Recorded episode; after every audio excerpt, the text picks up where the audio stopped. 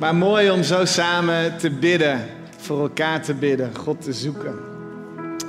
Ik wil eigenlijk uh, nog beginnen met een uh, mededeling. En ik wil toch even vragen, lieverd, kom even het podium op. Ik had het niet met je afgesproken, maar. Uh... Nee.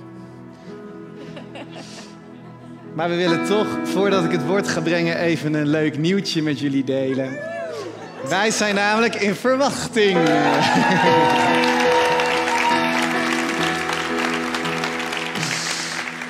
Ja, we zijn super blij daarmee. In januari uh, uitgerekend. En heel eerlijk gezegd hadden, hebben we best een tijdje ook moeten wachten op deze zwangerschap. En sommige mensen gaan al rekenen. Die denken, zo lang zijn jullie nog niet getrouwd. Nee, dat klopt nu een jaar of twee. Maar we zijn toch ruim anderhalf jaar geleden begonnen om ons ook actief daarvoor open te stellen. En ja, het gebeurde niet. En dan ken je de verhalen, de stoere verhalen van mannen om je heen die het hebben over hun superzaad. Of dan hoor je die verhalen van vrouwen die zeggen: Nou, hij hoefde alleen maar naar me te kijken en ik was al zwanger. Maar de realiteit voor heel veel stellen is ook gewoon anders dan dat. En ruim anderhalf jaar bewogen wij eigenlijk steeds van hoop naar teleurstelling. En die teleurstelling vonden we ook steeds pittiger worden. Die teleurstelling begon ook steeds meer te doen. En bracht ons op een plek waar we ons afvroegen: zal het ons überhaupt wel gegeven zijn? dat je op die plek met God komt en dat je tegen Jezus zegt: Heer, u bent de Heer van ons leven. We hebben ons hart aan u gegeven, we hebben ons leven aan u gegeven. Dat betekent dat u de baas bent over ons leven. U mag doen met ons leven wat u maar wilt. En als u wilt dat wij kinderloos door het leven gaan, dan zullen we ook dat dragen, want, want we willen alles doen wat u van ons vraagt.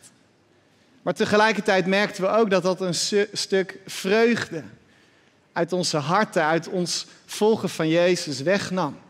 Misschien ken je dat ook wel in je eigen situatie, dat als, ja, als je geen perspectief hebt voor de toekomst, dan heeft dat een uitwerking op het hier en nu dan wordt het leven in het hier en nu daadwerkelijk zwaarder. En hoe anders is dat dan nu? Nu we in verwachting zijn, de, ja, de toekomst is mooi, we kunnen niet wachten. De tijd kan niet snel genoeg zijn. We hebben zoveel zin om ons wondertje te ontmoeten. We kijken daar naar uit. de verwachting over een toekomstige gebeurtenis die nog moet gaan plaatsvinden, die maakt het leven nu al zoveel mooier en zoveel leuker. Ondanks dat we nog helemaal niet weten hoe het gaat zijn, dromen wij al over al die gebeurtenissen die we met ja, ons kleine jongetje of meisje gaan beleven. En we kunnen er niet op wachten. Wat de toekomst ons brengt, of wat de toekomst ons, ons juist ontneemt, dat heeft een grote uitwerking op het leven hier en nu. En ook voor de kerk geldt dat. En Paulus wist het maar al te goed. Toen en nu. Als de kerk geen duidelijke verwachting voor de toekomst heeft, niet weet waar zij naartoe gaat, dan wordt het leven al snel zwaar en moeilijk. En misschien hebben wij dat de afgelopen periode ook wel met elkaar gevoeld. Als we te veel bezig zijn met de dingen in het hier en nu, dan kan het ons zomaar weer naar beneden trekken. Maar als we weten wat voor ons ligt, dan verheugen onze harten daarin. Dan kijken we er naar uit, dan kunnen we niet wachten. Een kerk zonder toekomstverwachting, een, een kerk zonder een duidelijk perspectief op wat nog komen gaat, staat nooit in haar kracht. En daarom wil ik vandaag met jullie lezen 1 Thessalonicense 4. Met de vraag, kerk, kerk van Jezus Christus, zijn wij in verwachting? Zijn wij in verwachting? Kloppen onze harten voor wat komen gaat? Pak je Bijbel erbij, 1 Thessalonicense 4. Het einde, vorige week hebben we het ook al gelezen, maar ik pak even een stukje mee van vorige week en dan gaan we vanuit daar door naar 1 Thessalonicense 5. 1 Thessalonicense 4, vers 16. Wanneer het signaal gegeven wordt en de aartsengel zijn stem verheft en de bazuin van God weerklinkt, zal de Heer zelf uit de hemel neerdalen. Dan zullen eerst de doden die in Christus toebehoren opstaan en daarna zullen wij die nog in leven zijn samen met hen worden weggevoerd op de wolken en gaan we de Heer in de lucht tegemoet. Dan zullen we altijd bij Hem zijn. Troost elkaar met deze woorden. Broeders en zusters, ik hoef u niet te schrijven over het moment waarop dit zal gebeuren. Want u weet zelf maar al te goed dat de dag van de Heer komt als een dief in de nacht. Als de mensen zeggen dat er vrede en veiligheid is, worden ze plotseling getroffen door de ondergang, zoals een zwangere vrouw door barensweeën. Vluchten is dan onmogelijk. Maar u, broeders en zusters, u leeft niet in de duisternis, zodat de dag van de Heer u zou kunnen overvallen als een dief, want u bent alle kinderen van het licht en van de dag. Wij behoren niet toe aan de nacht en de duisternis. Dus laten we niet slapen zoals anderen, maar waken en op onze hoede zijn. Wie slaapt, slaapt s'nachts en wie zich bedrinkt, is s'nachts dronken. Maar laten wij, die toebehoren aan de dag, op onze hoede zijn. Omgord met het harnas van geloof en liefde. En getooid met de helm van de hoop op redding. Amen. Jezus komt eraan. Hij is gestorven. Na drie dagen is Jezus weer opgestaan. En inderdaad, zoals Fiona net ook al zo mooi uitsprak, is hij opgevaren naar de hemel waar hij nu troont aan de rechterhand van de Vader.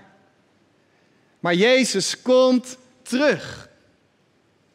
En dat is niet een kleine bijkomstigheid van het christelijk geloof. Nee, dat is een van de grondbeginselen van wat wij geloven. Een van de grondslagen. De kern.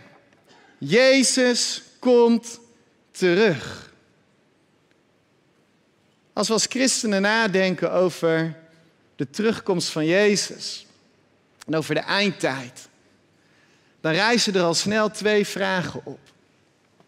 En de eerste is, wat gaat er precies gebeuren? En het tweede is, wanneer gaat dat gebeuren? Herken je die vragen? Twee logische vragen, maar bijbels gezien ook twee vragen die moeilijk te beantwoorden zijn. enerzijds zien we natuurlijk de tekenen van de tijd, ook zoals die in de Bijbel geprofiteerd worden, met misschien wel als duidelijkste voorbeeld de terugkeer van het Joodse volk naar het land Israël. Maar aan de andere kant is het onderwijs wat in de Bijbel wordt gegeven door Jezus, door, door Paulus, door Johannes over de terugkomst van Jezus, over de eindtijd, doordrenkt met poëtische taal, met beeldspraak en met raadselen. En die zijn niet zo eenvoudig te concretiseren.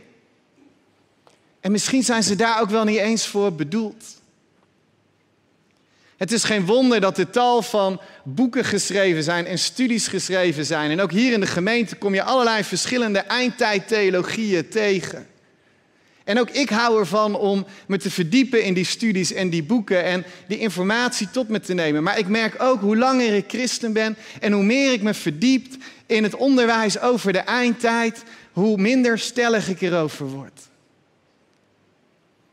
Want wat weten we nou eigenlijk?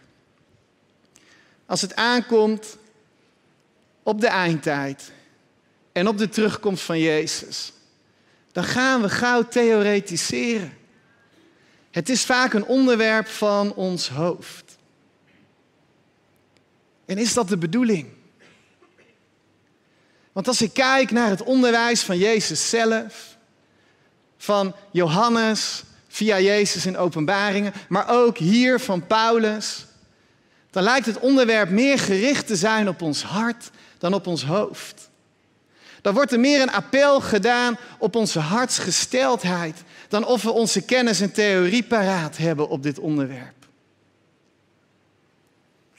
De grote vraag is, wat is jouw toekomstperspectief? Wat is jouw verwachting over wat er gebeuren gaat? En waar verlang jij naar? als het gaat over de dingen die nog komen gaan. Wat is jouw hart? Paulus die maakt twee onderscheid tussen twee groepen in zijn onderwijs aan de Thessalonicense. Enerzijds heeft hij het over de kinderen van de dag. En deze kinderen die zijn wakker en ze zijn alert, ze zijn nuchter. En aan de andere kant de kinderen van de nacht. Zij zijn in slaap gevallen en ze zijn dronken. En nu kunnen we heel makkelijk een scheiding maken tussen gelovig en ongelovig. Maar ook in dit gedeelte zien we dat Paulus net zo goed als hij het heeft over de in slaap gevallenen, het over gelovigen. Ook wij kunnen in slaap vallen. Ook wij, als we Jezus kennen, kunnen geestelijk in dronkenschap vallen. Hij waarschuwt daarvoor. Dus laten we wakker en nuchter zijn. Laat me proberen om deze beelden wat dichterbij te brengen door een voorbeeld te geven. Een voorbeeld over Bram en Emma. Bram en Emma die hebben elkaar leren kennen op de middelbare school.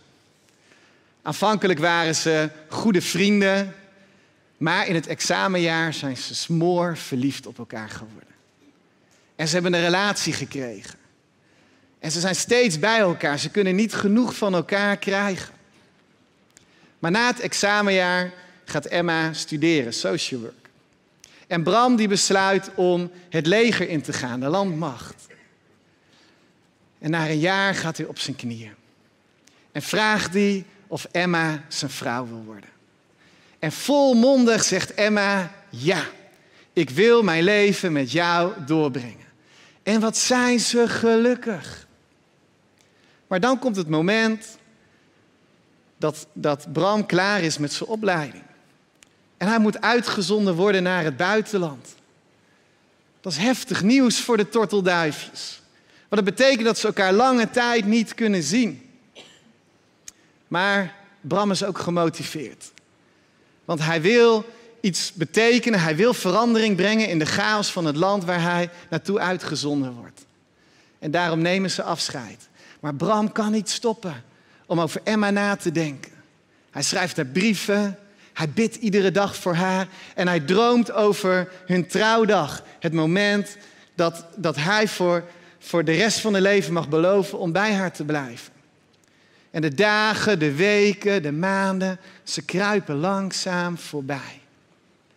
Maar dan komt de dag dat Bram terug naar Nederland mag. Oh, hij is zo enthousiast. Hij kijkt er zo naar uit. Hij vliegt naar Nederland en hij komt aan op Schiphol en hij moet daar vier uur in de rij staan voordat hij eruit komt en zijn bagage heeft. Maar uiteindelijk komt hij in de aankomsthal aan en geen Emma. Nou, dat kan gebeuren, er zal vast een goede reden voor zijn. Dus hij neemt de trein en de bus en uiteindelijk ja, moet hij ook nog een stuk lopen, de benenwagen. En komt hij aan bij het huis van Emma, midden in de nacht. Het is de donker. En hij belt aan, maar er wordt niet open gedaan. En hij klopt aan en hij begint steeds harder te slaan. En hij begint te roepen, Emma, Emma. En uiteindelijk, na een minuut of tien, doet Emma eindelijk de deur open. Ze kijkt verdwaasd uit haar ogen. En als Bram over haar schouder kijkt, dan ziet hij de lege flessen drank staan. En hier en daar ligt ook nog iemand op de grond te pitten. En Emma die zegt, oh joh, Bram, jou had ik nog niet verwacht. Ja, toen je weg was, werden ook andere dingen belangrijk voor me en, en andere mensen. Het komt me eigenlijk helemaal niet zo goed uit dat je hier nu bent. Zou je niet later kunnen terugkomen? Je kunt je voorstellen dat dit weerzien pijnlijke gevolgen zal hebben voor hun relatie. En hoe anders is dan het voorbeeld van Tim en Lisa, die eigenlijk precies hetzelfde liefdesverhaal hebben. Het begint exact hetzelfde, maar het eindigt anders. Want als Tim nog maar één stap heeft gezet in de aankomsthal, hoort hij gelijk gegil. En tussen de heliumballonnen kan hij nog net het hoofd van Lisa herkennen, die zich met haar volle gewicht op hem stort en overlaat met kusjes. Oh, wat heb ik je gemist? Wat heb ik toch naar je verlangd? Wat heb ik elke dag op mijn kalender afgekruist tot deze dag? Op dit moment heb ik zo lang gewacht en eindelijk kan ik jou in mijn armen sluiten. Lisa is de reactie die elke bruidegom zich wenst naar een tijd van afwezigheid. En als het dan gaat om de terugkomst van Jezus, in wie herken jij je dan het meest? In Emma? In de kinderen van de nacht? Die in slaap zijn gevallen, die dronken zijn, die Jezus niet verwachten? Of herken jij je in Lisa, in de kinderen van de dag, die vol verwachting en vol van verlangen uitkijken naar dat moment? Het belangrijkste moment in hun bestaan. Het moment dat ze Jezus in de ogen mogen kijken en zich in zijn armen mogen laten sluiten. De kinderen van de nacht, die slapen en zijn dronken. En dan gaat het niet over letterlijk slapen en letterlijk dronkenschap, maar over geestelijk slapen en geestelijk dronken zijn. Het zijn mensen die niet scherp zijn, niet alert. De komst van Jezus zal hen overvallen als een dief in de nacht. Wow, dit zagen ze niet aankomen. Hier waren ze helemaal niet klaar voor. Je kunt je voorstellen, net als bij Bram en Emma, dat het weerzien van Jezus en de kinderen van de nacht een pijnlijk moment zal zijn voor beiden. Dat het geen welkome verrassing zal worden. Jezus is op zoek naar harten van mannen en vrouwen die op dezelfde manier verlangen naar Hem als Hij naar ons. Daar heeft Hij zijn leven voor gegeven. Om ons naar zich toe te trekken. Om ons welkom te heten in een intieme relatie. Om één met Hem te zijn. En hoe pijnlijk is het dan als bij zijn wederkomst blijkt dat dat niet is gebeurd? Voor de kinderen van de nacht wordt de dag van de Heer beschreven als een ondergang waaraan je onmogelijk kan vluchten. Ze zijn er helemaal niet klaar voor. Ze zullen met hun mond vol tanden staan. Ze zullen met het schaamrood op hun kaken moeten erkennen dat zij geen of onvoldoende rekening hebben gehouden met Jezus. Ze zullen zich willen verstoppen. Maar dat zal niet kunnen. Ze zullen verantwoording moeten afleggen en de pijnlijke confrontatie met Hem aan moeten gaan. En de reactie van Jezus daarop, die is aan Hem. Jezus zal oordelen in liefde, in wijsheid, in rechtvaardigheid. Eigenschappen die geen van ons bezit. Dus laten wij ook niet proberen om in zijn plaats daar een oordeel over te vellen.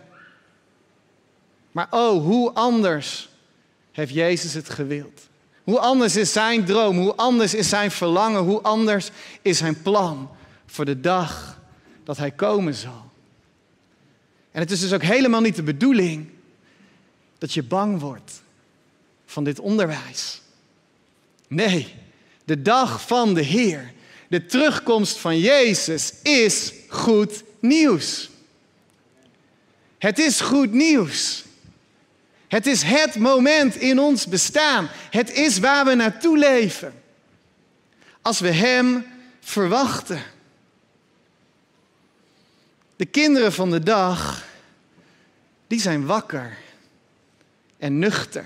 Geestelijk wakker en nuchter. En dit betekent niet, die indruk had ik vroeger er altijd bij als mensen zeiden je moet, je moet waakzaam zijn en, en nuchter, nuchter en waakzaam. Dat is een zinnetje die je vaak hoort. Mijn beeld erbij was dat het inderdaad mannen en vrouwen was die allerlei eindtijdtheorieën goed kenden. Die alleen maar boeken aan het lezen zijn. Dan ben je nuchter en waakzaam. Eerlijk gezegd was mijn beeld daarbij dat het een beetje de saaie christenen waren die nuchter en waakzaam waren. Maar nee, als we hier kijken welke mensen Paulus bedoelt, dan heeft hij het over de mannen en vrouwen die vol van geloof zijn. Die een helder blik hebben op wie Jezus is. Die vol van hoop zijn. Die met zekerheid uitkijken naar het moment wat gaat komen. En die vol van liefde zijn. Wiens harten branden vol van passie en liefde voor een Heer en Verlosser. Dat is nuchter en waakzaam zijn. Dat je hart, dat je hart gericht is op Hem. Ben jij een kind van de dag? Ben jij wakker? Ben jij nuchter? Heb jij een scherpe geest? Als Jezus komt, zullen de kinderen van de dag klaarstaan. Ze worden niet overvallen door zijn komst, want ze zien het moment al lang aankomen. Hun verwachting is dat het ieder moment kan gebeuren, zelfs nu we hier in de dienst zitten. Zijn komst is de beloning op hun geduld. Ze zullen vol blijdschap en enthousiasme hun Heer onthalen. Hun grootste dromen zullen op dat moment ver overtroffen worden. Ze zullen Jezus zien.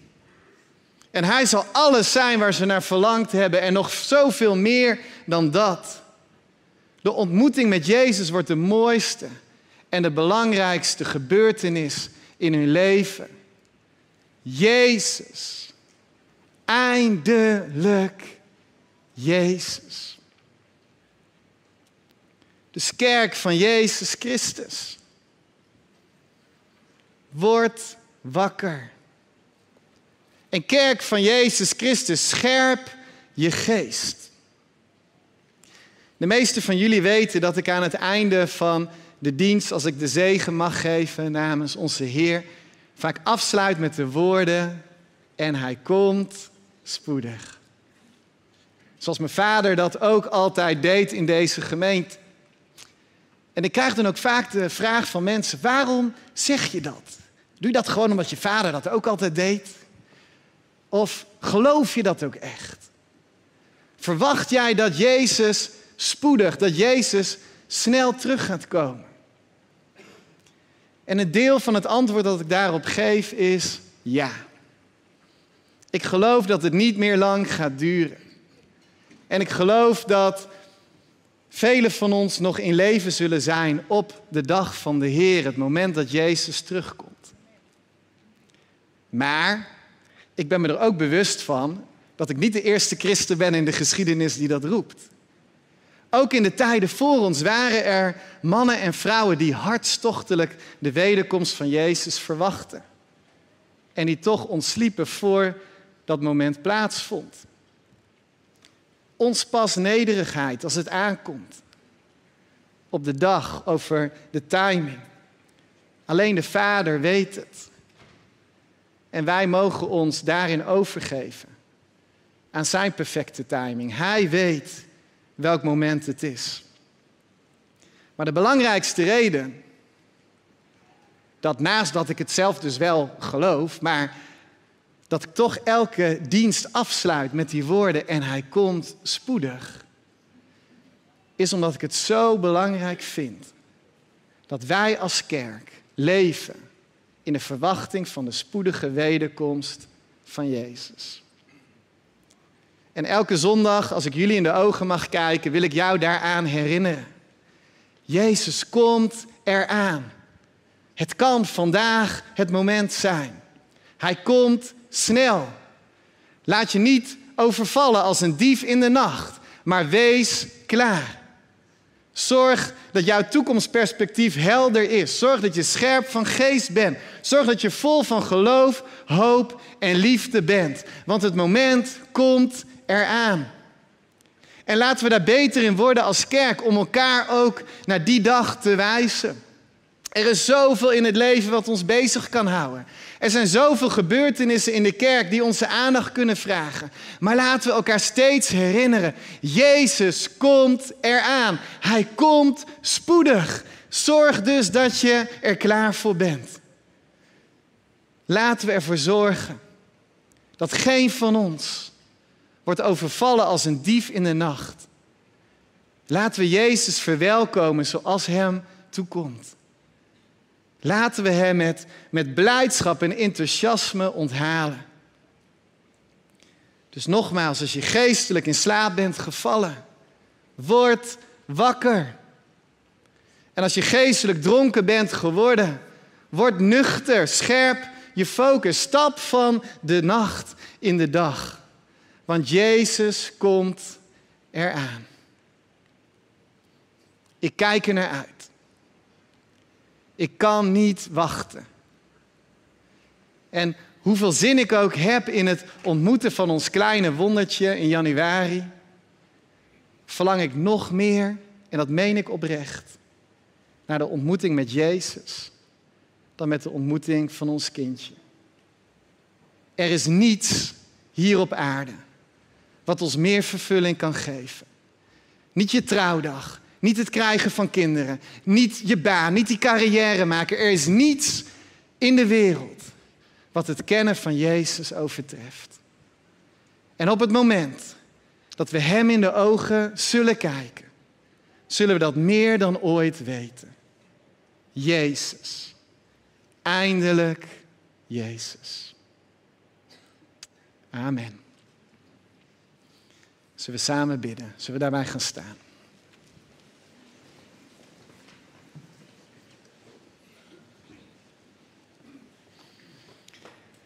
Oh Jezus, wat houden we van U? Wat houden we van Uw hart? En wat verlangen we daarnaar om U te ontmoeten? U bent zoveel meer dan wij verlangen kunnen. U bent zoveel meer dan onze grootste dromen. U overtreft elke verwachting. En Jezus, we bidden voor een kerk die wakker is. Een kerk die nuchter is. En niet met theorieën, maar die vol is van geloof, hoop en liefde. We bidden voor een kerk die op dezelfde manier verlangt naar U als U naar ons. En Jezus, we weten, we zijn mensen, we zijn zwak. En net als de discipelen in de tuin van Gethsemane vallen we in slaap. En drinken we te veel, vinden we andere dingen in het leven belangrijker dan U. Jezus, maar kom ons dan tegemoet. Geef ons nieuw perspectief. Laat ons zien waarop we hopen. En laat ons zien wat we mogen verwachten.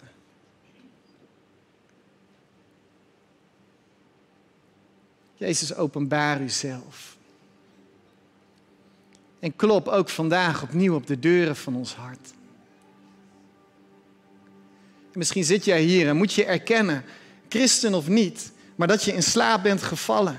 Dat je meer lijkt op de kinderen van de nacht dan op de kinderen van de dag. En weet je dat als Jezus nu terug zou komen, dat Hij je zal overvallen als een dief, omdat je er niet klaar voor bent. Maar ook dan nodigt Jezus jou vandaag uit om te stappen van de nacht in de dag. Om je hart te richten op Hem en de dingen van de hemel. Hij nodigt je uit, kom bij mij. Kom in mijn armen. Wees één met mij. Begin een nieuw leven waarin ik jouw Heer mag zijn. Waarin ik je mag leiden op al je wegen. Kom bij mij. Zodat ik je kan overladen met mijn liefde. En je kan leren hoe jij met diezelfde liefde mij terug kunt liefhebben. En als jij vandaag die keuze wil maken om ja te zeggen tegen Jezus. Misschien heb je die keuze nog nooit gemaakt, of misschien denk je, ik moet hem opnieuw maken. Om te stappen van de nacht in de dag.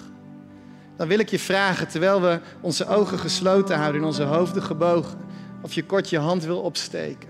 Zodat ik je mag bidden, maar vooral zodat Jezus ook ziet de keuze die jij maakt op dit moment. Als jij dat wil, wil je dan nu je hand opsteken. Jullie handen. Dank u, Jezus. Dank u, Jezus. Heer, u ziet deze mooie mensen, deze mooie mannen en vrouwen.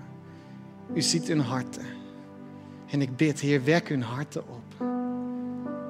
In de naam van Jezus, stort uw geest uit. Uw leven, uw liefde. Vernieuw hen van binnenuit. Jezus, ik bid voor geloof. Ik bid voor hoop. Ik bid voor liefde. Geloof voor het juiste perspectief op u, voor een scherp beeld, een scherp zicht op wie u bent. O Jezus, ik bid dat deze mannen en vrouwen mogen groeien in het kennen van u. Jezus, ik bid voor hoop, voor een krachtige hoop, voor de dingen die nog komen gaan. Dat ze meer dan ooit zullen verlangen en zullen verwachten. Jezus komt eraan. En ik bid voor liefde. Heer, ontvlam, ontsteek een heilige passie in hun harten. Heer, dat ze van u zullen houden meer dan van het leven zelf. Dat ze van u zullen houden meer dan van hun vrouwen, van hun mannen, van hun kinderen, van hun carrière, van wat dan ook. Ontsteek een passie voor uw naam. En we bidden, zo Jezus, maak ons klaar om u het ontvangst te geven wat u verdient. Wat u toekomt.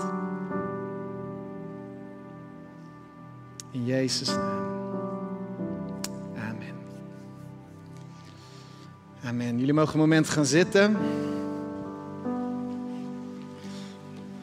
Want wat is dit ook een mooi moment. Als we samen nadenken over de terugkomst van Jezus om ook samen het avondmaal te vieren. Want het avondmaal is zo rijk, het heeft zoveel aspecten, maar een van de aspecten is dat Jezus zegt in zijn woord, toen hij voor het laatst het brood, brak en de wijn dronk, dat hij niet weer van de beker zou drinken tot het moment dat hij zou terugkomen. Ik wil met jullie lezen, Matthäus 26, vers 26. Toen ze verder aten, nam Jezus een brood. En hij sprak het zegengebed uit. Hij brak het brood. En gaf de leerlingen ervan met de woorden: Neem, eet, dit is mijn lichaam. En hij nam een beker, sprak het dankgebed uit en hij gaf hun de beker met de woorden: Drink alle hieruit. Dit is mijn bloed. Het bloed van het verbond dat voor velen wordt vergoten tot vergeving van zonde. Ik zeg jullie Vanaf vandaag zal ik niet meer van de vrucht van de wijnstok drinken, tot de dag komt dat ik er met jullie opnieuw van zal drinken, in het koninkrijk van mijn Vader. Elke keer als we samen het avondmaal vieren, mogen we vooruitdenken, vooruitkijken, dat er opnieuw een dag komt, dat we samen met Jezus de beker mogen heffen. Dat we het feest mogen vieren de bruiloft van het lam. Het moment dat we voor altijd bij Jezus zullen zijn. En elke keer als we dan dat brood tot ons nemen en die wijn drinken, dan mogen we weten, maar ook nu, mogen we al leven in die eenheid met Jezus. En elke glimp van glorie die ik te zien krijg van Hem, elk moment van verbinding met Hem, wijst voort op wat er nog komen gaat. Oh, wat is dit een rijke maaltijd. En ik wil net zoals Jezus dat deed met de discipelen, ook het dank, het zegengebed uitspreken. En ik wil vragen of de broeders naar voren willen komen om dat samen met ons te doen. Want het brood is verbroken. En zoals dit brood één geheel is, is als het gebroken wordt in stukken voor ieder van ons. We mogen allemaal deel hebben aan het lichaam van Jezus. We mogen allemaal onderdeel van Hem zijn als we Jezus herkennen als onze Verlosser en Hem volgen als onze Heer. En we weten dat we dat niet vanuit onszelf kunnen.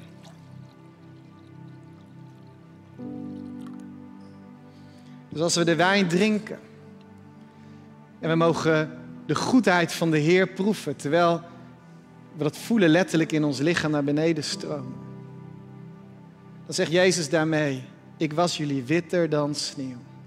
Dit is het bloed van mijn nieuwe verbond. Mijn bloed heeft jullie vrijgekocht. Hierdoor mogen jullie leven. Laten we dank en het zegengebed uitspreken.